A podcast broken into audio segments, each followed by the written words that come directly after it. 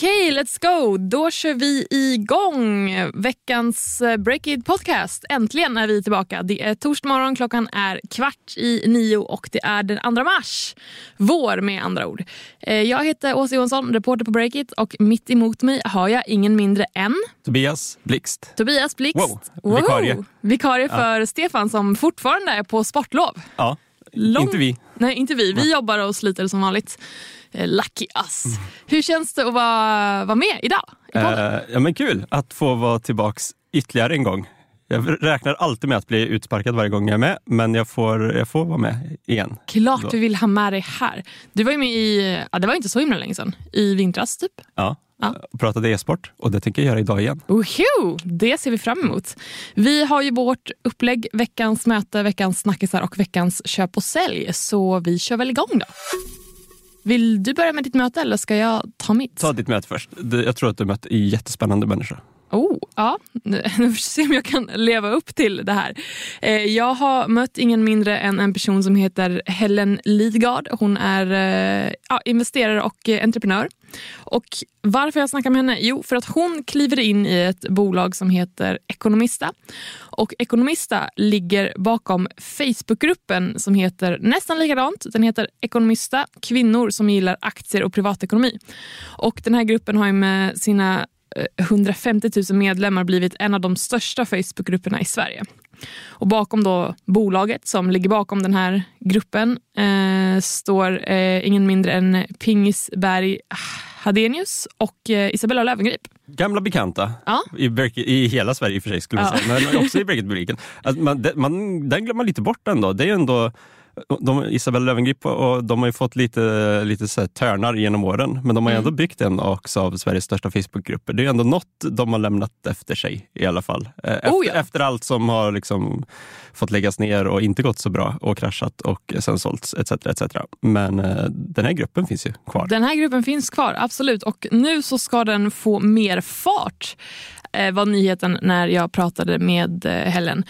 Hon tycker nämligen att det finns en väldigt outnyttjad potential i det här communityt och bolaget som hon nu kliver in i.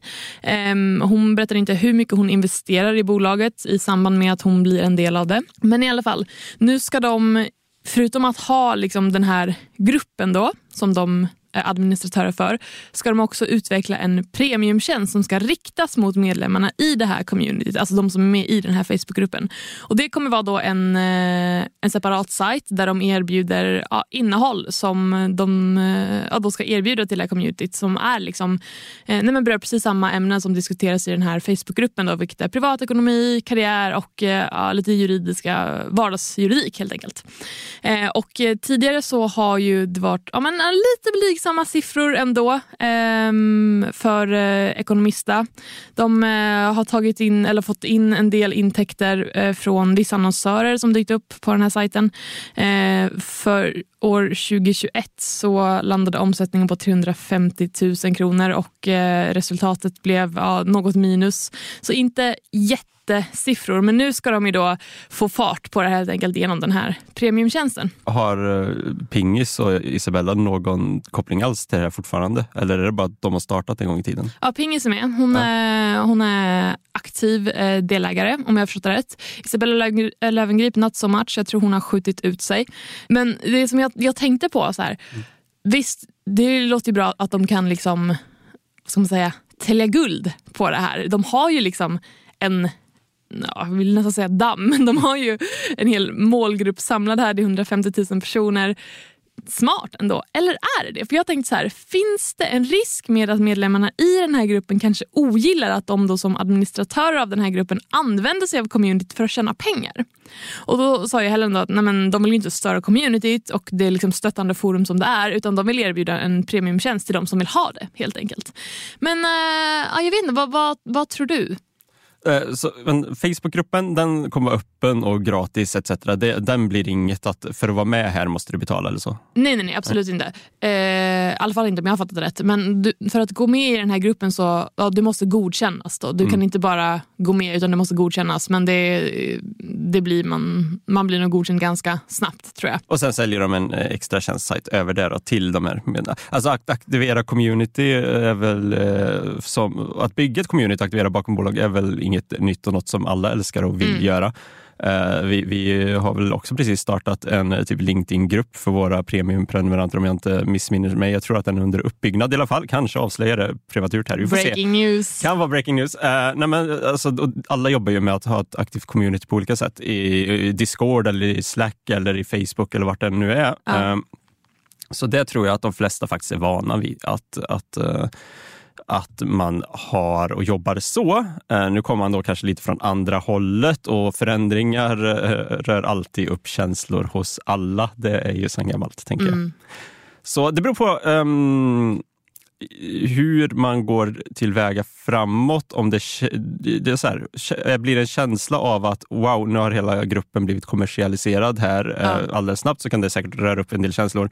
Men blir det mer att åh, ehm, vårt älskade community, nu liksom ska vi göra massa bra för er, eh, vara med liksom och stötta oss. Det här är liksom, nu bygger vi något större tillsammans. Lyckas man sätta den här känslan så kan det ju säkert gå.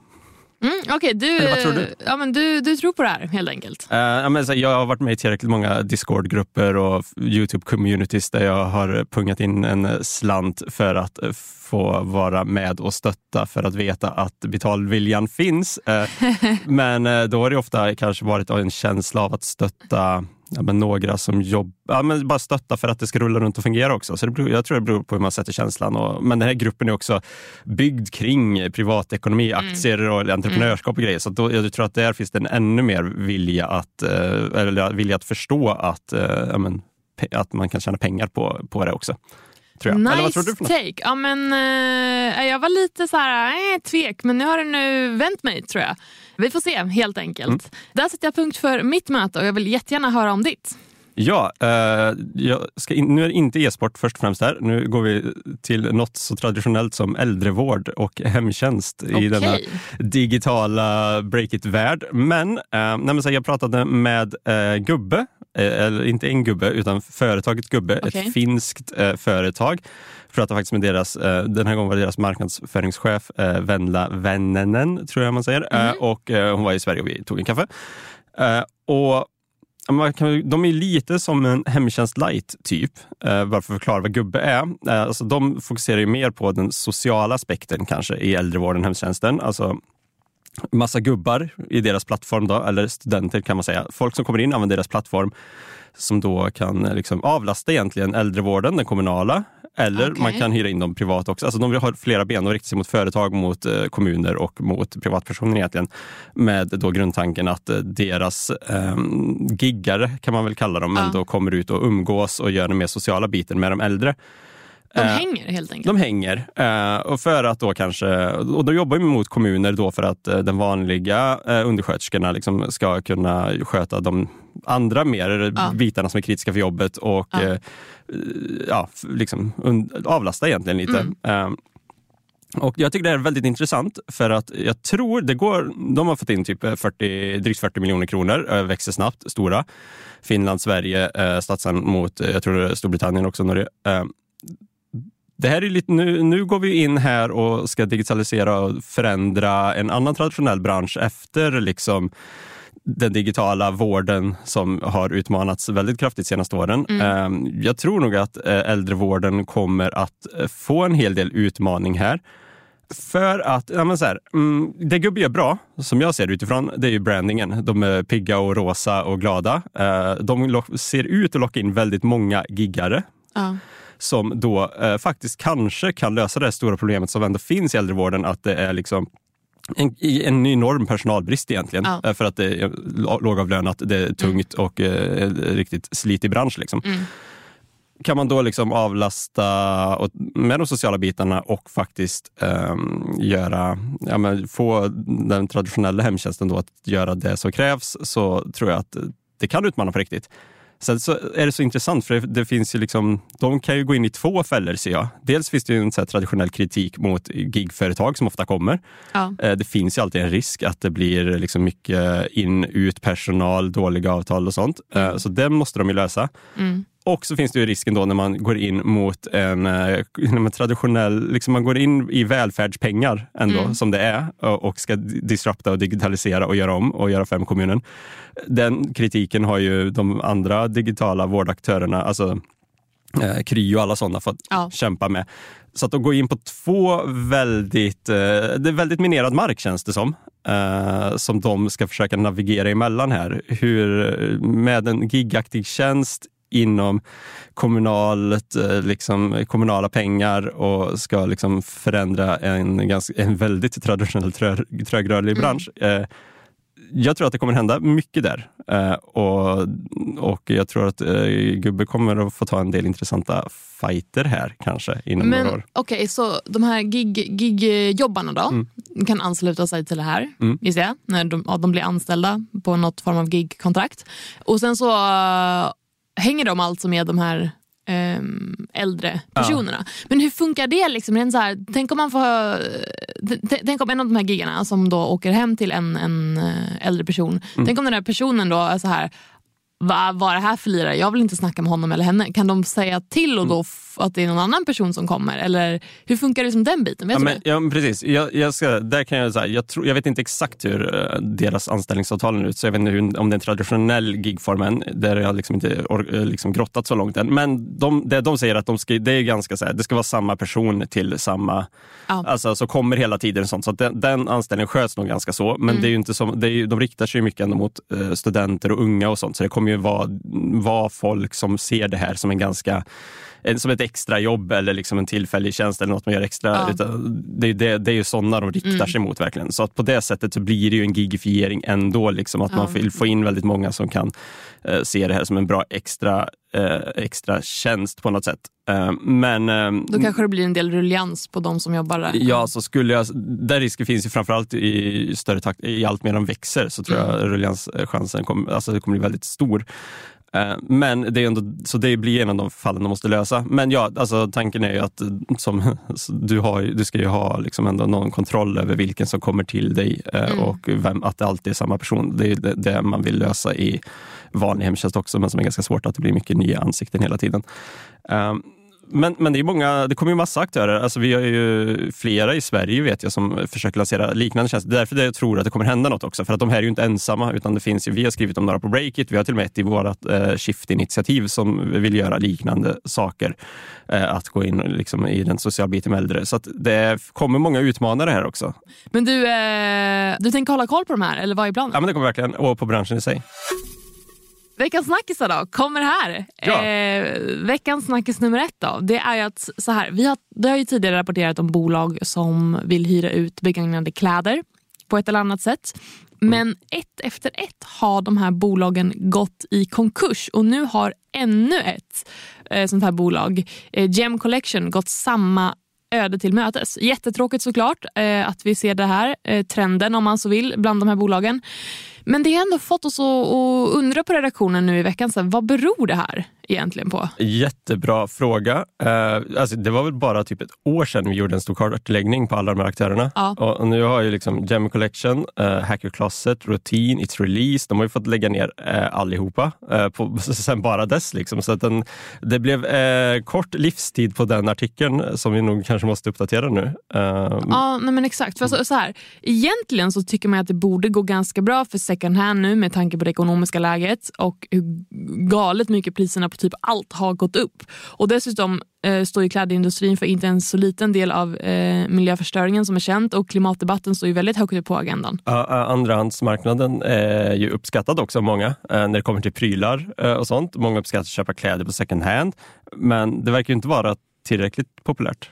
Nej men exakt. Så, om vi bara drar lite snabbt vad de här bolagen då som dessvärre eh, har fått lägga ner har gjort exakt. Så är det Gem Collection de har ju haft en, en, eller det har varit en uthyrningsplattform där vem som helst kan lägga upp kläder och accessoarer direkt från sin garderob som då ja, hyrs ut helt enkelt.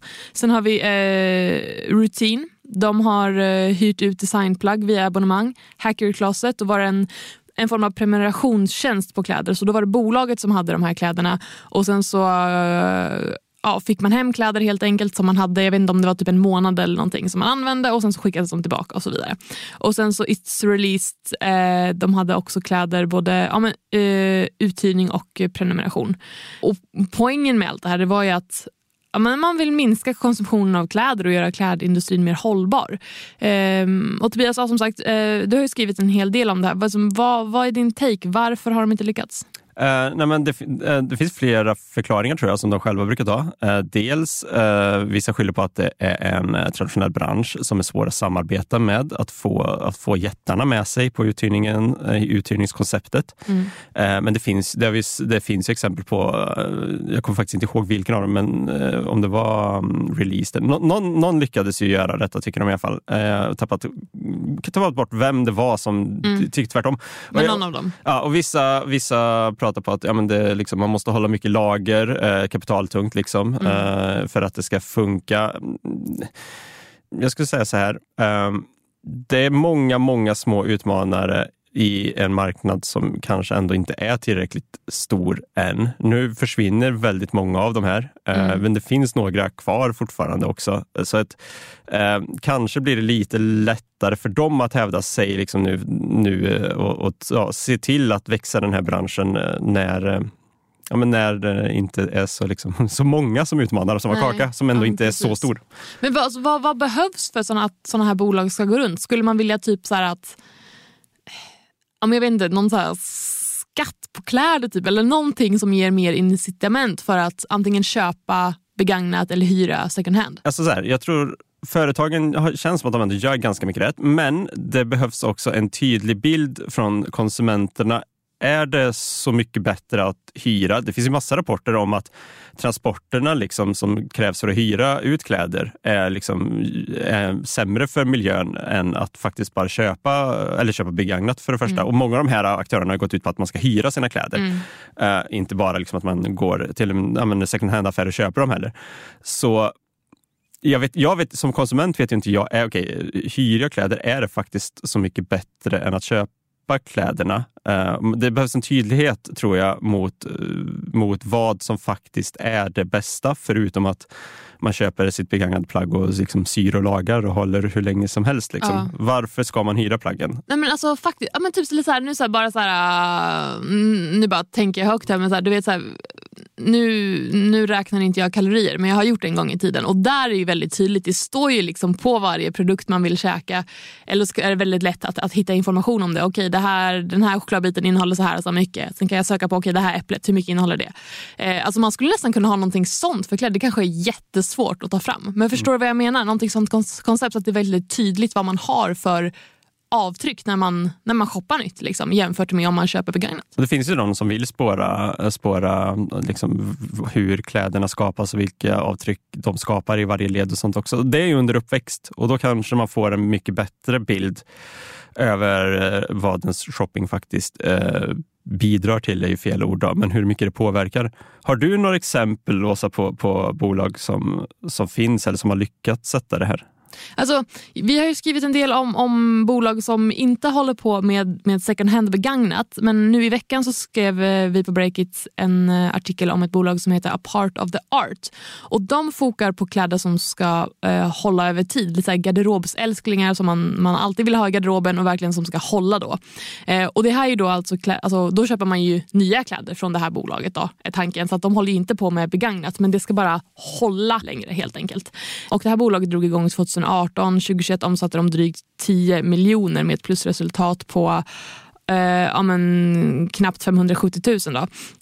Och eh, om jag tjuvkikar lite så, här, så är bokslut för 2022 inte helt färdigställt. Eh, men enligt grundarna då, som en av våra kollegor har, har, pratat med så ser det ut att landa på ja, men en ökning då i omsättning på 11 miljoner och ett plusresultat på, på 500 000. Det tror jag är större än egentligen alla bolag på vår uthyrningskartläggning var med en ganska stor marginal. Om inte, jag kan ha fel, det kan vara något uppe men de flesta var väldigt mycket mindre skulle ja, jag säga. Mm. Det har du nog helt rätt i. Och Sen finns det ett annat bolag eh, som heter Tini snackade med dem i, ja, det måste varit i höstas tror jag, eller vintras. Men i alla fall, det här bolaget kan beskrivas ja, men lite som ett så modernt skrädderi. De har då en kollektion med kläder typ ja, en katalog, här är våra kläder, som kunden får välja bland. Och Sen så sys de här plaggen upp efter kundens mat och preferenser. Typ, okay, men du, vill, du vill ha den här skjortan, men du vill ha en annan krage. typ. Mm. Eh, och vilket material det ska vara. och så där. Så att De har liksom en baskollektion, men att det är efter kundens preferenser så att säga. Och det ska sys upp i Sverige och så vidare. Um, och enligt de då, grundarna av det bolaget så ja, de hänvisade till statistik från modebranschen men då visade de att, att en genomsnittlig användning av, av ett plagg är endast sju gånger per år. Så om du köper en ny tröja så använder du den sju gånger på ett år. Eh, vilket är otroligt lite. Jag, jag, jag tror inte att det här, det här måste ju vara något väldigt så här, ja, det är genomsnittlig användning. Så här, jag använder mina kläder, jag har typ så här, fyra plagg som jag använder hela tiden. Jag vet inte, du vet att jag äger bara två byxor och två par tröjor som jag går runt med och sen syr med min symaskin. Så att jag, jag har dålig personlig inblick i, i shoppingen i mode. Eh, känns ju tråkigt att säga. Men, men, så att jag, ja, men så. Det låter jättelite för min del, men jag vet ju också att uh, hur modebranschen är, alltså ja. hur den ser ut ja. egentligen. Så, ja. Verkligen. Men du, eh, de här bolagen som jag nämnde nu som eh, inte jobbar med begagnat men att de ska ta fram kläder som håller längre helt enkelt. Eh, och man, man ska använda dem så mycket som möjligt. Tror du att de här bolagen kommer klara sig bättre mot eh, de här second hand-bolagen som ja, men vi, vi säger antingen vill sälja begagnade kläder eller hyra ut dem via någon form av prenumerationstjänst exempelvis. Det tror jag. Eller jo, men jag tror att de klarar Men så här, det, fin- det har ju funnits länge, alltså, en marknad för små nischade äh, aktörer som ska göra hållbara kläder, eller liksom exklusiva kläder, bra kläder egentligen. Mm. För jag gissar på att äh, de här som sys upp inte liksom, kommer vara de billigaste kläderna i världshistorien heller. Jag menar, det, har, det har ju funnits jättelänge och det klarar sig det finns en marknad för dem. Uh, frågan är ju hur, uh, men, men det blir, frågan, det intressanta är ju hur gör man detta någonsin för att det ska bli någon form av global eller ens nationell påverkan? Liksom. Mm.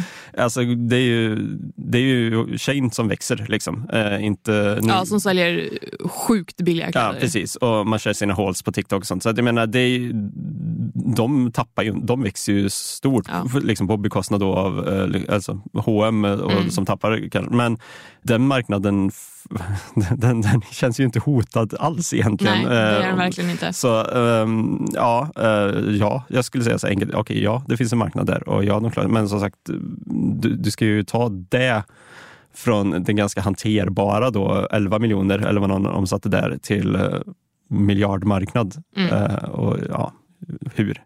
Hur. Vi får hålla ögonen öppna där också helt enkelt. Snackis nummer två kommer här. Det är då inget mindre än Klarna som för några dagar sedan la korten på bordet och kom med sin rapport för 2022. Men hur såg det egentligen ut då för det här eh, ja, fintechbolaget som vi snackar och skriver så mycket om? Ja, vi kan köra helårssiffrorna då. Eh, intäkter på 6,17 miljarder och en förlust på 10,4 miljarder kronor 2022. Eh, sistnämnda ett historiskt högt belopp.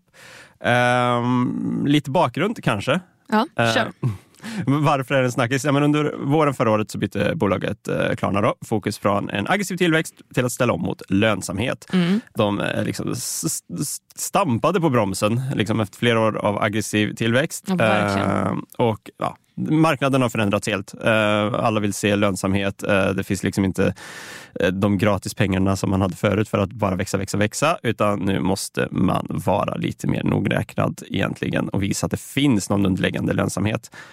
Och det har lett till, till besparingar. Exakt. De varslade om uppsägningar, var det 700 personer eh, omkring där som fick eh, gå i, eh, om det var väl i, i maj, våren där förra året.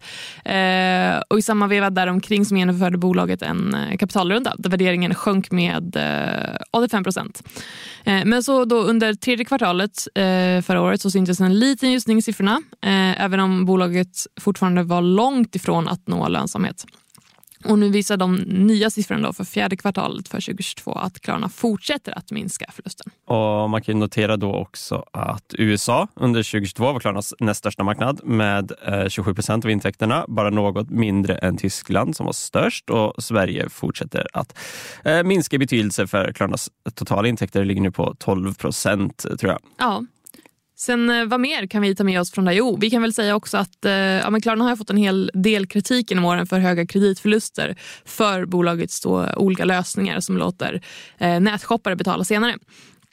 Men av det här ja, bokslutet då framgår att eh, kreditförlusterna nu minskar i förhållande till betalvolymen och att Klarna ja, minskar alltså eh, andelen kreditförluster ja, successivt under andra halvåret kan man säga.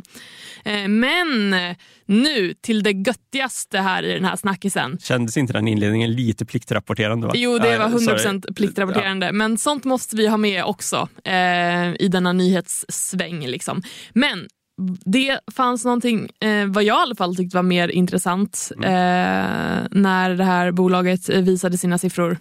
Eller vad säger du? Det smaskiga, snaskiga i det hela. Eh, faktiskt, eh, nej men så här. Ja, alltså att eh, Klarna, Klarna Seb, som han heter på Twitter, Sebastian Siemiatkowski, eh, höjde sitt eh, lön ganska ordentligt. Eller han höjde inte den, men styrelsen höjde den. Mm. Eh, så, vilket var intressant. Synd att inte vi snappade upp det lönelyftet. Det var ju våra vänner på Dagens Industri. Eh, men vi fick också nyheten till slut där då med lite omvägar. Ja, exakt. Ja. Men vad, varför är det då så intressant att han höjer sin lön? Att, att det är mest intressant, eh, det är lite en tolkningsfråga, mm. Eh, men det är absolut det som blev en snackis. Eh, och jag ska säga att det är ganska enkla mekanismer som ligger bakom det. Eh, man såg i våra sociala kanaler liksom, som tyckte att det var intressant att eh, Klarna Sebbe fick en lön på över 10 miljoner kronor när bolaget fortfarande gör stora förluster och är inne i en ganska krisig fas, ändå får man säga, en omställningsfas. Eh, man kan säga, alltså ersättningen eh, steg från 9,8 till 13,2 miljoner kronor och grundlönen från 8,9 till 11,5 miljoner. Så det, det, är ju liksom en lönelyft på över 30 procent liksom, i grundlönen bara. Helt eh, okej. Okay. Ja, väldigt okej. Okay. Det som gör det uppseendeväckande är ju att man ökar ersättningen så mycket under samma år som man faktiskt varslar en stor mängd anställda och har ett stort sparpaket också. Och det känns ju som en sån otrolig miss rent timingmässigt. Jo, men alltså, han har ju också försvarat eh, löneökningen med att de har legat i underkant jämfört med ja, internationella jämförelser. Eh, till och med att de fortfarande ligger lite i underkant i sina ersättningar. Right? Mm. Ja, men precis. Det, det, det är ju ett, det är liksom ett försvar av det. Eh, mm, och sen också vet jag att han sa här till det att han Eh, de kan inte jobba lika mycket med ersättningar heller som en bank, liksom, vilket gör också att grundlönen ökar. Men alltså, det finns exempel på flera vd nu internationellt som efter 2020, alla har ju haft det svårt. Det har ju varit tufft för många eh, och som då har valt att sänka sina löner mm. istället. Mm. Och Det tycker jag inte man ska se i och för sig som en viktig åtgärd i sig, men det, ger, det finns något intressant i det signalvärdet, liksom, uh, det solidariska i att okej, okay, många anställda har fått gå kanske. Ni kanske inte har möjlighet till samma löneökningar här nu i år.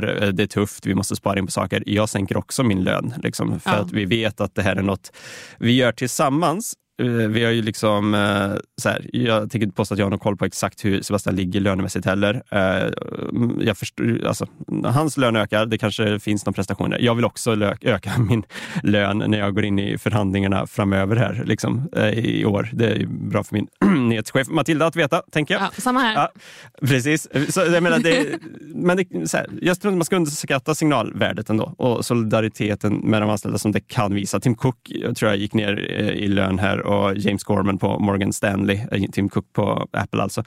De har sänkt lönerna. Det går ingen nöd på dem. Nej. De, de har nej, nej, väldigt höga löner. Otroligt bra betalt. Men som sagt, det finns någonting här i, i vad man visar upp utåt. Liksom. Och vi vet ju att uh, fackligt, uh, fackligt anslutna fackliga representanter på klanen ja. har reagerat också. Och det är just det här man kanske skulle vilja undvika i det här läget. Ja, alltså det känns så här, visst, alltså, han gör säkert ett super mega bra jobb och eh, förtjänar säkert det här lönelyftet. Eh, utan att jag vet så mycket mer om det, men det gör han säkert. Eh, men med det sagt, precis som du säger, så här, ah, så, ah, det var ju så många som förgående och det påverkar människors liv otroligt mycket att bli av med jobbet. Och just att så här, ah, men, man vill ju ändå känna sig som man kan inte känna sig som en, alltså, som en familj med sitt jobb nödvändigtvis. Men man vill ju ändå vara ett, ett, team och som du säger, man vill ju känna att vi gör det här tillsammans. Nu är det skakiga tider, nej, men we're in it together. Liksom. En lite sån känsla. Mm. Och då om det är många som varslas. Och, och sen... de hamnade, hamnar ju också i en tvist lite där eh, med eh, facket eh, ja. för, på grund av hur de sa upp anställda så att, att det inte skötte, skötte, sköttes rätt heller. Så att jag menar, det, det var ju också lite infekterat där när man faktiskt gjorde det här. Det bör nästan låta lite som en veckans sälj det här. Ja, det skulle kunna ha varit en veckans sälj faktiskt. Men jag har redan, jag har ju faktiskt två sälj den här veckan och inget köp också. Så jag känner mig otroligt säljig. Eh, och Okej. negativ och pessimistisk kanske. Ja, men med det sagt då, snygg övergång här. Vi går över till våra veckans köp och sälj och då tycker jag att du får bränna av en sälj. Ja, men jag, jag bränner av två snabba sälj här egentligen. Eh, igår rapporterade vi om Husky Chocolate. Eh, drick- drick- vänta, husky chocolate. Jag tänk, husky det är ju en hund typ. Ja, det tänker jag på. Och det är en choklad. Och en svensk en choklad. choklad. Alltså, en, en choklad som ingen har druckit men säkert nästan alla har sett eh, reklam för. De, så här, de sponsrar Hammarby fotboll och bandy. Eh, de sponsrar eh, McLaren, eh, de sp- alltså två, två Alfa Romeo också, två Formel 1-lag. De sp- sponsrar Marcus Eriksson i hans Indycar-satsning. De syns i fjällen, liksom en massa samarbete i fjällen. De syns överallt. De, lägger, de har lagt eh, över, på några år över 200 miljoner kronor i sponsoravtal. Ja, jag tänkte säga det, det lät dyrt det där. Det, det är ganska dyrt. Så, då är det så intressant att uh, senaste omsättningen nu som jag kollade på här och resultatet, att, att de omsätter ju Alltså bara några miljoner kronor uh, egentligen. De har lite olika bolag ingen koncernredovisning så att omsättningen, hur mycket de faktiskt har sålt är lite osäkert. Uh, någonstans mellan 3-6 miljoner runt där, under 10 miljoner i alla fall. Samtidigt som vi gör en förlust uh, förra året då på hela 114 miljoner kronor. Uh, Mm, ja, det är lite pengar. det, det är lite pengar. Det, och, och säljet här, då blir det så att ja, men det är det man möter hela tiden när man pratar med folk, att den verkar så otroligt svår att köpa. Jag såg den faktiskt för första gången nu av en slump egentligen på min eh, lokala Hemköp. Eh, i, var den på redes den ut för 10 kronor. Eh, kostade 15 i alla fall. Men vänta här, är det här det är choklad som man dricker? Ja, inte, precis. ja. Nej, choklad på flaska. Men de har ju då också, eh, vi har ju rapporter från fjällen där de har stark etablering och samarbeten där du kan köpa liksom, i mugg brandat och liksom Ja. mer lyxig, fina variant. Det är den som många, de som faktiskt verkar ha druckit den, ofta har druckit den. Men, men säljet här då är att det verkar ske i sån omvänd ordning. Liksom. Att de verkligen, alltså de sponsrar Millwall i Storbritannien eh, och de sponsrar ju Marcus Ericsson Indycar i USA. Mm. Men går man in på hemsidan så ser man att då finns den drickan att köpa i Sverige och Norge och ska komma till resten av världen. Alltså de har ju ingen, verkar inte ha någon möjlighet att sälja den i Mm. Storbritannien. Så det är ju det här man vill veta väldigt mycket om. Hur har man har tänkt här? Jag har ju hört av mig eh, såklart till Huskys eh, vd och deras företrädare, men de har inte velat prata med mig nu en intensiv period, eh, har de sagt. Vill prata framöver, så vi får se Ja. resonemanget bakom det. Och Sen finns det lite andra intressanta saker. De är i en tvist med en amerikansk delägare som är lite stökig upp i hovrätten nu. Ehm, och eh, så här, Att de kan gå med så stora förluster det beror ju på att de har en eh, Kvalitena eh, fastighetsbolag, kan man kalla det, som, som eh, pumpar in pengar för att då betala Ah. de här sponsoravtalen. Så att, så här, de pumpar in pengar eh, som om, blir skulder för eh, Husky, eh, Shocky AB som bolaget heter. Och sen kvittas det i en kvittningsemission mot aktier nu. Då. Så det verkar också som att Kvalitena mer och mer tar över eh, det här bolaget egentligen eftersom att de då måste kvitta skulderna mot aktier. Och det är också lite det tvisten handlar om med den amerikanska eh, delägaren som tycker att de har kvittat aktier till alltså- eh, för låga priser helt enkelt. Många delar i den här röran. Det är ett spännande bolag. Det Ja. kanske inte blev så kort ändå, men det är jättespännande och de är väldigt, eh, känns lite hemlighetsfulla så att Ja. jag ser fram emot att grotta i detta. Alltså, jag läser det reportaget. Hojtan är ute så ska jag Mm. Ja. kasta mig över det. läsa den första som kom igår, då. men den handlar bara om förlusterna. eh, Och för er som är premiumprenumerant finns en breakup.se nu. Ska Mm. jag sälja en snabb... Okej då, nu blir det sport. Ja, kör e-sport då. Förlåt Åsa. Nej, Eh, bra flow. men- Kör, kör. Bra. Uh, G-Loot eh, som, eh, nu ska vi se, 2020 tog in en halv miljard kronor. Eh, kanske den största, en av de största i alla fall, uh, rundorna i e-sportens historia. Eh, högt värderade, föll som ett korthus kort därefter. Alltså från, nu ska jag säga, tog in 500 miljoner kronor 2020. Nu eh, i början här av 2023 eh, har de ju helt eh, styrt om. De har bytt namn till Stryda eh, och de eh, har tagit bort det som var deras modell förut, att du kunde liksom satsa. Det var lite så här skill-based betting förut. Du kunde satsa på din egen skicklighet i spel, spela, och vinna pengar. Nu ska de vara en ganska, verkar det som, traditionell eh, turnerings och eh, spelplattform där du kan liksom utmana varandra istället. Fortfarande tror jag med eh, möjligheten att vinna pengar i turneringar och sånt. Eh, de har drygt 100 miljoner kvar i kassan. De omsatte eh, under förra kvartalet typ 400 000 och har gjort en hel omställning. Eh, säljet här är ju då, mm, ja men så här, jag vet inte vad, de, vad som utmärker de här från aktörer lite som Faceit, Battlefy, Epulse. Det finns jättemånga eh, som gör eh, sådana här plattformar där du kan spela mot varandra. Jag känner mig helt lost. Jag har noll koll på det här ska erkännas. Nej, eh, jag Tur att du är här. Dålig, dålig på att förklara också. Men, eh, nej, men så här, vad, vad är det som ska göra dem unika nu? Och de har bara 100 miljoner kvar, de här 500 att röra sig med. Och eh, vdn eh, Johan Persson heter har väl eh, flaggat också för att i början av 2024 så kommer pengarna i den här nuvarande förbränningstakten att vara slut och de behöver mer pengar också. Eh, och jag har så svårt att se, jag ska se om jag får prata med han lite längre fram här. Jag har så svårt att se hur de, ehm, hur de ska lyckas liksom lösa detta och få in, för jag tror inte att det här är en affärsmodell som idag hade fått in det de har på banken nu, de 100 miljoner som ska finnas kvar i banken. Alltså jag tror inte ens de hade fått in de pengarna eh, med den plattformen och det de har idag. Eh, med tanke på hur andra andra plattformar som finns och vad de har tagit in och sånt. Typ i- ja, Epulse och sånt där som också i och för sig tagit in 50-60 miljoner, men i en helt annat marknad också. Men han lät så otroligt eh, optimistisk och eh, såg inte riktigt konkurrensen som fanns.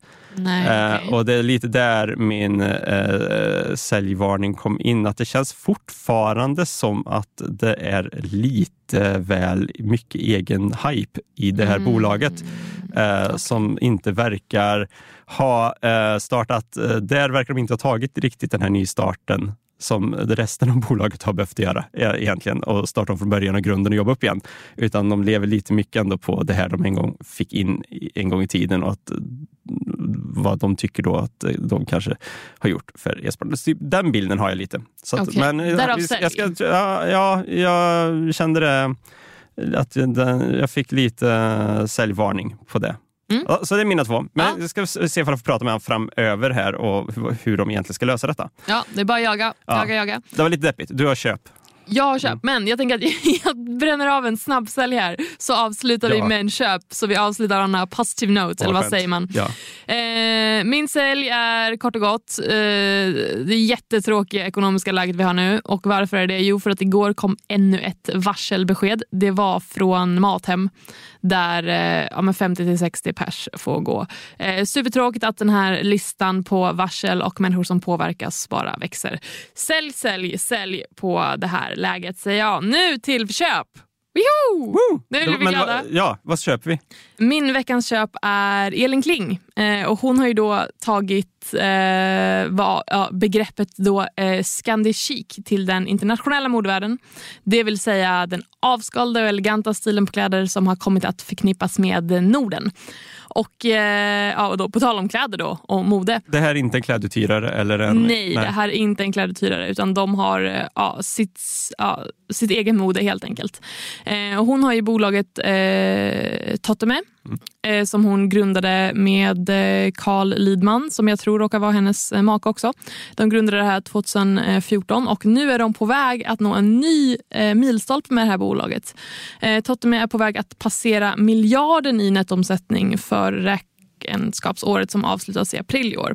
Och det är nära en fördubbling och det här skriver då våra vänner på Dagens Industri. Eh, Och det här är då, det blir då ett år tidigare än bolaget hade räknat med. Så köp på Elin Kling. Heja! Intressant siffra där också. Eh, miljarden i omsättning. Mm. Eh, som egentligen ändå är ett förhållandevis litet eh, bolag. Men som vi då, om vi tar det i jämförelse med dem vi hade och pratat om tidigare som hyr ut kläder och sånt som inte ens är nära den. Alltså det visar ju tycker jag. Alltså man sätter det här. Det är en jättemilstolpe, Ja, men det är där. långt ifrån jättemånga, jät- alltså många stora modeaktörer. Ja. Men det är så otroligt mycket större än de här små utmanarna som ska sälja second hand. Ja. liksom, ja. Otroligt.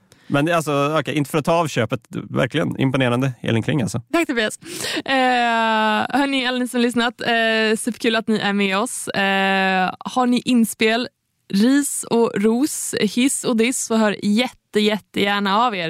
Eh, ni når mig på asa.breakit.se och vill ni komma i kontakt med Tobias så kan ni mejla honom på Tobias.blixt.breakit.se. Yes, och så har vi såklart våran eh, Breakit eh, podcast mail som är podcastatbreakit.se. Så där har ni tre mejladresser att höra över till. Så bara kör, hör av er. Var det det hela eller ska vi tillägga något mer Tobias? Nej, jag tycker att vi, nej men så här, vi tar med oss att det går att sälja och eh, göra bra affärer och öka sin omsättning. Och val. alltså, vi tar med oss köpet på Elin Kling här, liksom, att världen inte är deppig överallt. Härligt. Tobias, jättetack för att du uh, var med idag i Breakit Podcast. Tack Åsa. Du får komma tillbaka snart. Tack, tack för nu. Hej då!